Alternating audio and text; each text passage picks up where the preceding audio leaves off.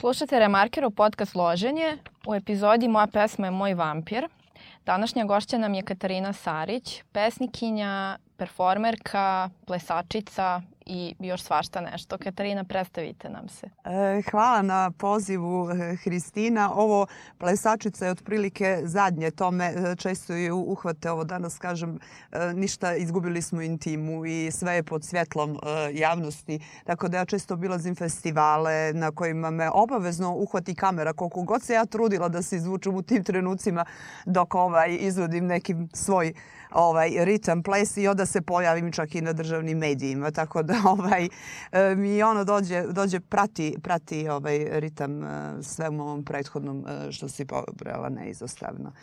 Um, ovih dana radim performans koji uključuje sve ove elemente u Novom Sadu i u Beogradu i, i baš mi je lijepa ova prilika da mogu kod vas u Remarkeru da da predstavim to što radim. Ispričajte nam nešto više o tom performansu. Dosta je zanimljiv. Vi imate neke dijagnoze, koliko sam razumela, na flasterima u nekoj tegli. Da, da, I sad da. kako ide taj proces, kako ste došli do te ideje, koje su reakcije ljudi, sve me zanima. E, pa knjigu je objavila Narodna biblioteka i to je interesantno. Kreće iz jedne institucije, iz, iz moje rodne budve i e, sa naslovom Sve jadno mi i ostale dijagnoze socijale. E sad, ja sam primijetila tokom tih prvih nekih e, e, promocija u tradicionalnom smislu institucije, biblioteke, e, centra za kulturu, da meni baš ne leži taj pristup. Tako da sam nekako spontano krenula iz toga da radim, da povezujem scenu kroz pokret, kroz gestikulaciju, kroz neverbalnu komunikaciju koja mi je izuzetno bitna. A onda tu i par nekih kritika na knjigu koji su se osvrnula upravo na taj njen ritmički jedan jedan e, dio koji onako jeste baš podesan za sensko izvođenje.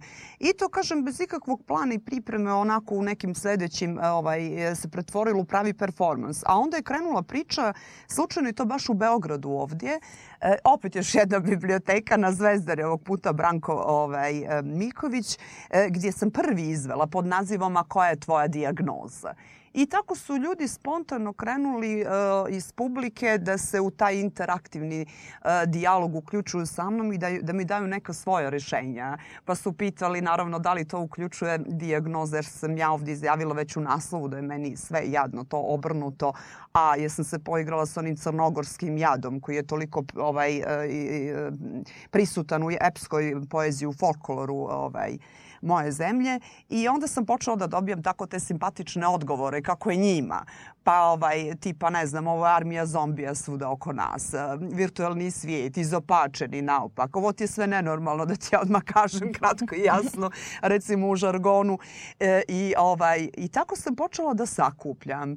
E, te njihove odgovore i onda sam sljedeći put, to je bilo u Podgorici, e, uzela teglu, ubacila u nju prethodne e, odgovore iz Beograda, nalijepila tim medicinskim flasterima pitanje a koja je tvoja dijagnoza, zatvorila te i tako ja sa tom teglom u, u nekom momentu koji spontano se izrodi sad tokom performansa, tokom mog čitanja ovaj nas, nastupak ja tako prođem ili ljudi sami priđu pa mi ubace i onda na kraju napravimo tipa neku malu um, tribinu sa diskusijom gdje bude ovaj vrlo i gorkog humora i ozbiljnih nekih konstatacija da kažem e, skoro naučnih na, na ovaj duh vremena u kojem živimo koji je poprilično poremećen ako uzmemo da ga uporedimo sa nekim dok, u kojem smo bivstvovali do nedavno pa tako izašli. Jer ima tu ovaj čitav jaz između generacija gdje korača, ne znam, čovjek koji i dalje pravi umjetnike i dalje u onom tradicionalnom smislu e, vezano za instituciju gdje opet ljudi danas ni ne dolaze, više prate društvene mreže, više prate neke druge ovaj vidove e, i promovisanja. Tako da smo svi pomalo tu sad zbunjeni svim tim novitetima koje smo naglo usvojili, a opet ne bismo ni da izgubimo ono, ono, u potpunosti ono što nas definiše iz tradicije. Tako da je za umjetnika ovaj jedan međuprostor može da bude vrlo kreativan ukoliko zna da ga, da ga iskoristi, da se sa njim igra. Recite mi, e, završili ste filozofiju I to je dosta zanimljivo ovaj, i zapravo se kroz sve te neke vaše pesme vidi uh, to vaše posmatranje kroz neke filozofske misli i baš dosta se bavite uh, tim konkretnim stanjem u društvu.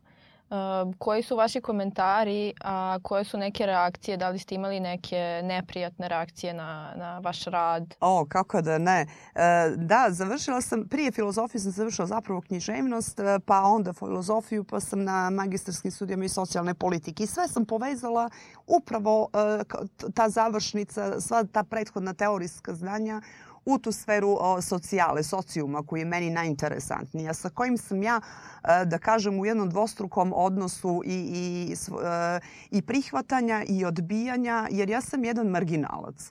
I često za sebe volim da kažem da bivstvujem kao e, Baudelaireov flaner, koji se nekako meko kreće po, po tim marginama društvene zajednice, fluidno, a na način da ne potpadne pod jedan uticaj sredine koja ga uključuje je sa svim sistemom pravila sa mehanizmom pravila, s utabanom stazom koja treba da se poštuje, tipa do 25. završi fakulte, do 30. oženi udaj, stalni posao i tako dalje.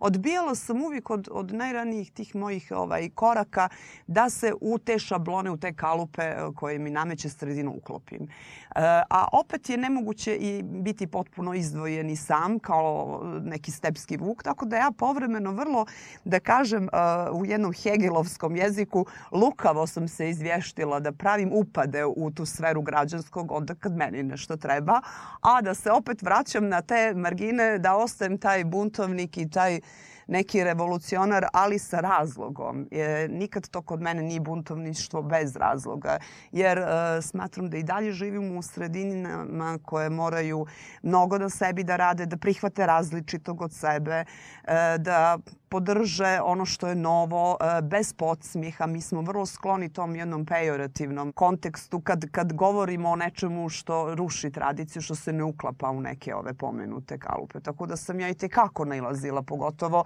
e, u mojoj rodnoj ovaj, sredini Crnoj Gori. Do duše ja živim uporedo, zimi sam u Beogradu, ljeti sam u mojoj rodnoj Budvi i tu sam opet napravila ovaj da mi odgovara. Kompromis. Ovaj, jeste. Ovaj, ali ovaj, onog tipa već od tog jednog, e, ne znam, upiranja prstom od mali lijepe pripadam generacijama iz prošlog milenijuma. Ja sam 80. godina bila dijete koje je već tada iskazivalo te neke znake koje sredino karakteriše kao čudnovatost. Pa sam, ne znam, kao tinejdžerka prva nosila kožne pantalone koje sam tada, boga pitaj kako dobila, i preko kojih veza iz Londona. Prvo sam imala piercing, tetovažu. I, ovaj, i onda prosto sve, sve, već ti znaci različitosti spoljašnje odmah budu povod da vas ta sredina etiketira, da malo teže ovaj, uspijete. Pogotovo ja sam sa svim tim mojim silnim obrazovanjem negdje sebe pitam da li sam ja se toliko i obrazovala iz, iz neke potrebe da se dokažem sredini koju sam tada imala. Da mogu da vrijedim čak i ako izgledam kao neka lujka u, u žargonski rečeno.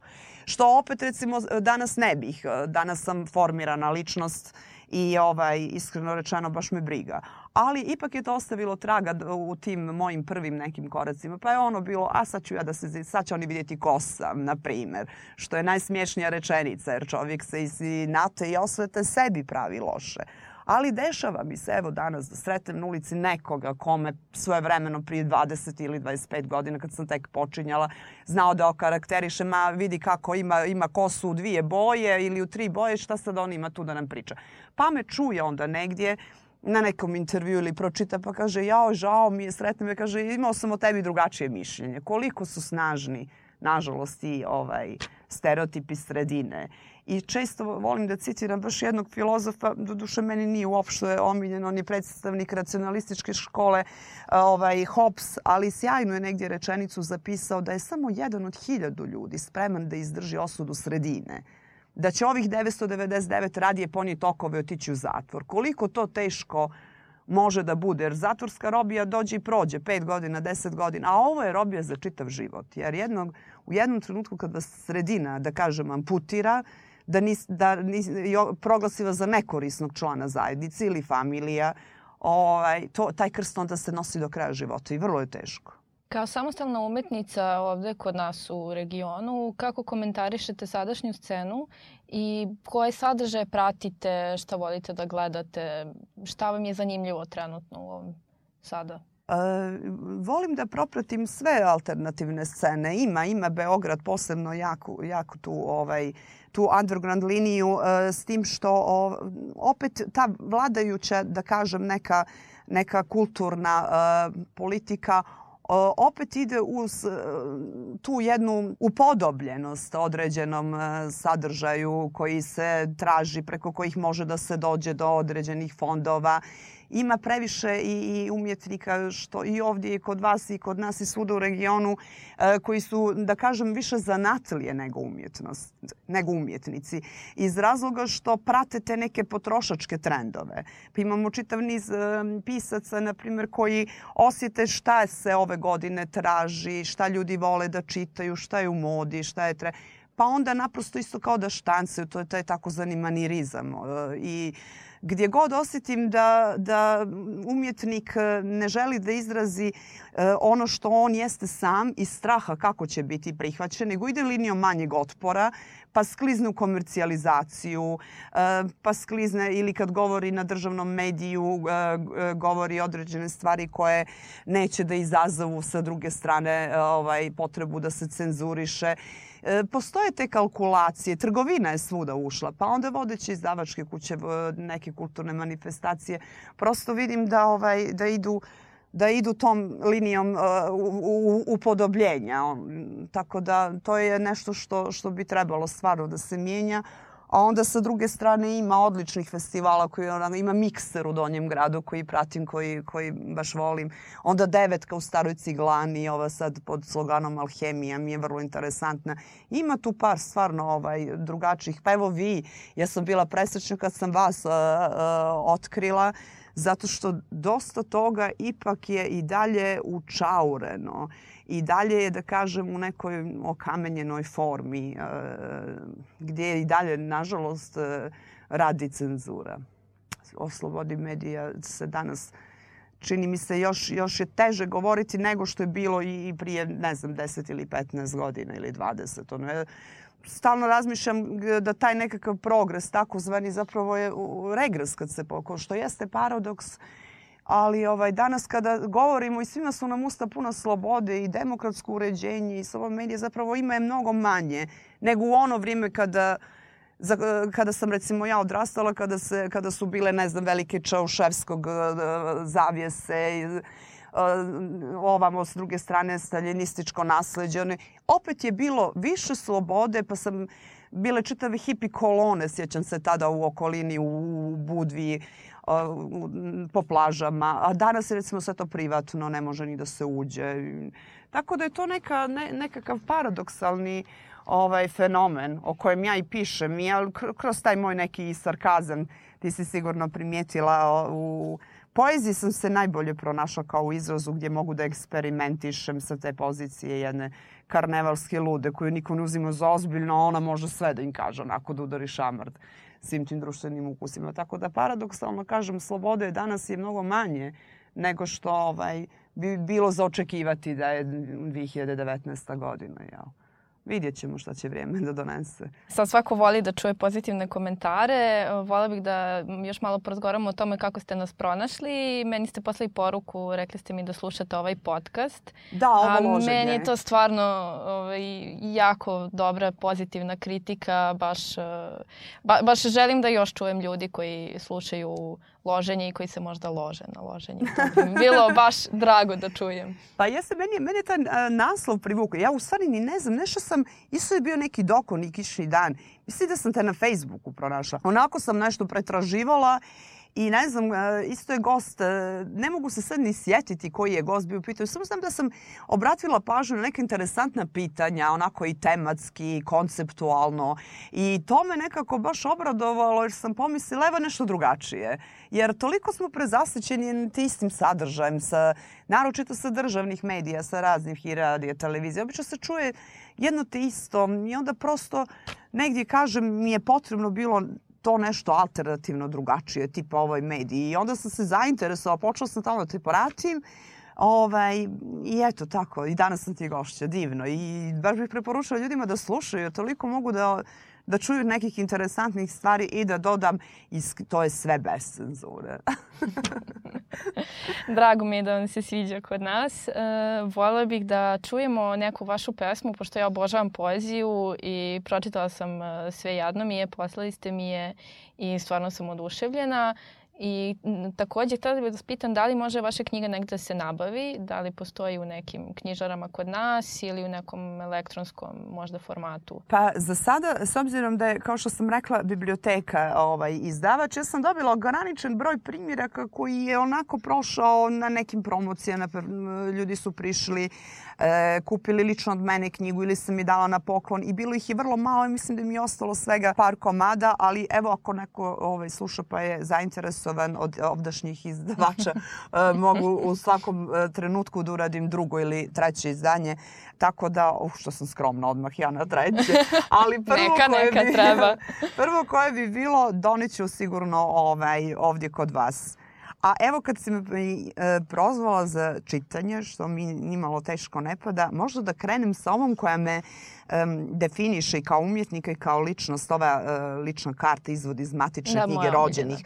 Ali pošto su meni sve poeme, ja ću uh, samo eto da bi ljudi i čuli da ih malo i zainteresujem za ove performanse koje radim. I da napomenem sutra je u Boulevard Booksu u Novom Sadu u 7 sati Eh, ovaj o kojem sam pričala koja je tvoja dijagnoza. Isti, isti ponavljam u nedelju u eh, uh, 19.30 u udruženju ljubitelja umjetnika u prozoru Takovskog. Pa ste si dobro došli da ubacite svoje dijagnoze onako zajedno smo jači. Evo izvod, samo odlomak.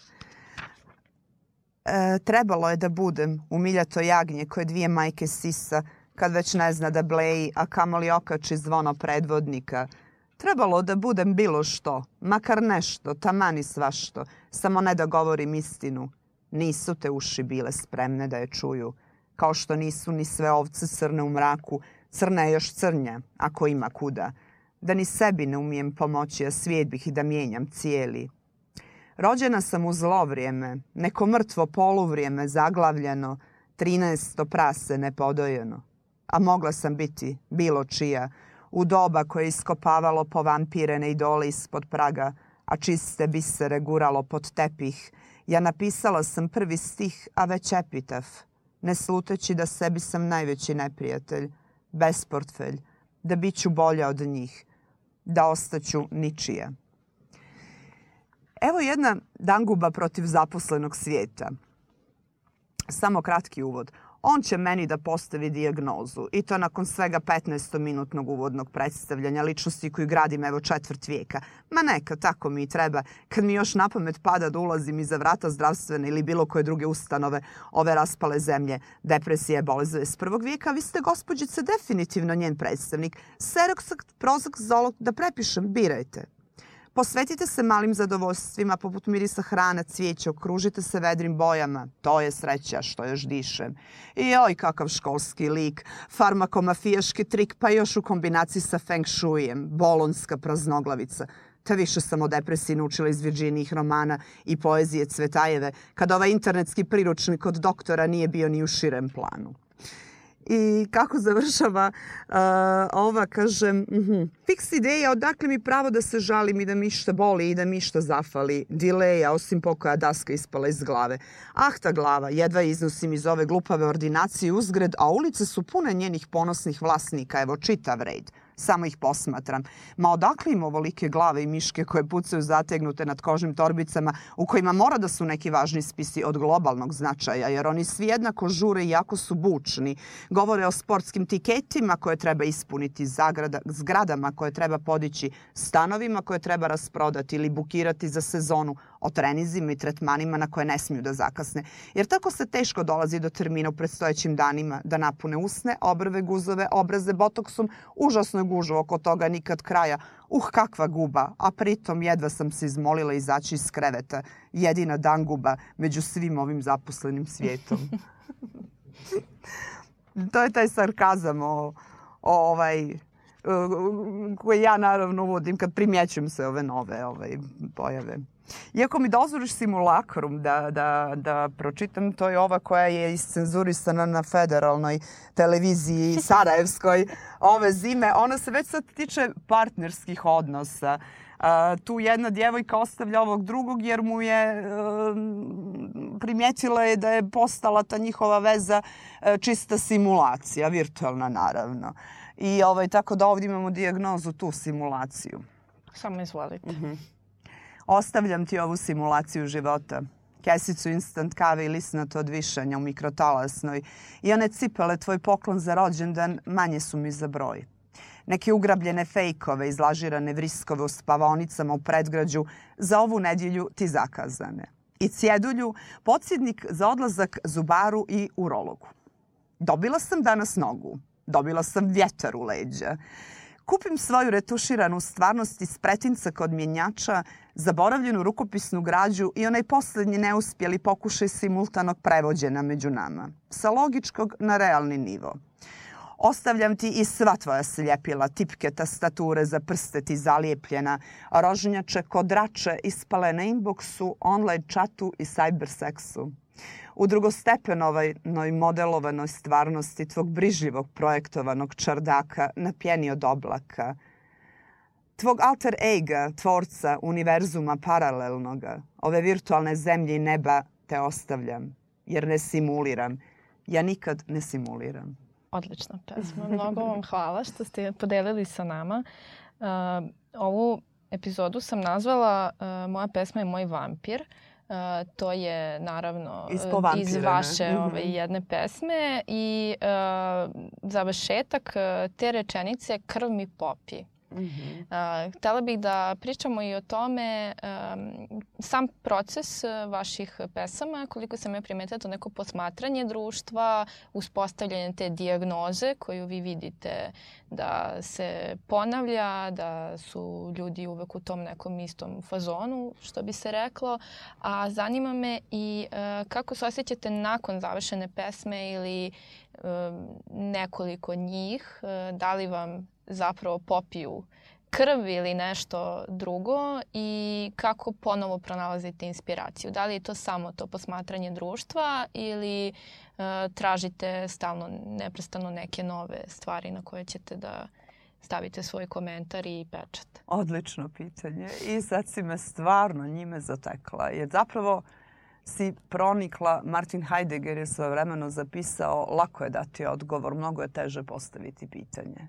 Tako da si, ne znam, iz ovog pitanja si mi definisala i stvaralački proces moj kao umjetnika i, i čitav život. Jer zapravo kako se, baš se osjećam tako krv mi ispijeno. E, taj motiv vampira se kod mene često ponavlja i u životu i u, i u umjetnosti. I to jesu naši sindromi e, društveni u regionu. To su mali čopori, nebitno da li su to E, E, da li je to društvo e, ispod zgrade, da li je to tim, da li je to e, kolektiv na poslu, da li je... To je taj nevidljivi mobbing, nevidljiva stega društva i ukoliko vi onako se obrušite na nešto što oni žele da da sakriju, da učine nevidljivim, da, da gurnu pod tepih, da se izrazim tom metaforom, uh, E, e, onda ste nastradali. Možete tu nešto i da stvorite, da napravite, ali kad se vratite na onu marginu, na, u ono slobodnaštvo o kojem sam na početku govorila, imate o, potrebu samo da se obnovite i regenerišete. I, I uvijek se i posle svake e, i pjesme i proze i performansa izvođačkog i bilo čega što stvorim, upravo osjećam tako e, ispijeno, popijeno. Jer to je preskupa cijena koju plaća čovjek koji e, misli svojom glavom, koji stvara svojom glavom. E, apropo svove pređašnje priče, koliko je lakše kad čovjek ima E, i za njega stoji određeno društvo. Mi kad se okrenemo, tu je suda kod nas neka društva. Tu je udruženje Matice Srpske, Matice Crnogorske, Matice Bosanske, udruženje iz dijaspore, udruženje uvijek ne, A ja kao slobodnjak ne želim da pripadnem niti jednom od njih jer me to e, nacionalno obilježje, političko obilježje, stranačko obilježje e, neće učiniti. Učinilo bi me možda jačom i možda bih više imala i dobiti i lakši bi mi život bio, ali to je ona moja tvrdoglavost jedne mazgi. Ima mi pjesmu, se zove Mazgo moja, koja je odbila da se pripojiti jednom čoporu. Pa Bijelo dugme je godinu dana pred raspad Jugoslavije pjevalo ko ne nauči urlati e, da mora zube pljuni i zapijemo Jugoslavije, Sad sam i zaboravila kako je tačno išlo, ali ovdje čopor niko neće naći ko ne nauči urlati. To je išlo i ja mislim da je, ne znam sa tačno iz čijeg je ovaj, toliko podatak imam u glavi, ali sjajan stih koji je odredio čitav naš Balkon, Balkan. To je to što, što slobodna glava ili kad izađem na proteste, protestujem čitav život od 89. godine, čini mi se kad sam me otac kao djete odveo na prvi ovaj čuveni Dakićevih e, u Podgorici. Uvijek su me pitali pa sa kim si tu došla i za koga si? I kad dobiju odgovor ja sam ovdje kao nezadovoljan građanin, ajde ne sprdaj se malo. Ko te plaća, ko te ubacio, čiji si špijun. Ne vjeruju ljudi da možeš misliti svojom glavom, da možeš pisati svojom glavom, da se ne moraš uklopiti sad u bilo koji konkurs izdavačke kuće koji te tačno uslovi odredi, karakterno, brojem strana, tematikom, a psihološki roman od 300 strana ne može danas. To niko ne bi čitao. Molim vas, skratite ga, upodobite ga, dajte ono nešto što ljudi vole i tako dalje. Tako da ovaj, e, ću ja izgleda ostati vampir još dugo, dugo. Ali opet i vampir ima čudesnu moć jer pitaju me, pogotovo moji prijatelji, ja gazim 44. godinu simbolika te dvije četvorke, a negdje mi je, vjerujem, strašno brojeve. Negdje mi je stajalo da je četiri moj broj. Tako da očekujem da će mi se u 44. nešto baš značajno desiti ovaj, da što više se, da kažem, energetski trošim i što više e, te krvi puštam, to mi se svježija i jača dolazi nazad. Katarina, mnogo vam hvala. Bilo je uživanje razgovarati sa vama. Ja ću samo da ovaj, napomenem slušalcima da će vaše društvene mreže i linkovi koji vi budete odabrali biti u opisu ove epizode, tako da slobodno mogu da se informišu, pročitaju još nešto o vama. Hvala, Hristina, bilo mi je veliko zadovoljstvo. I ovaj naslov je genijalan. Kako si, krv mi, moja pjesma Moj vampir. Odlično, odlično. Hvala vam što ste slušali ovu epizodu.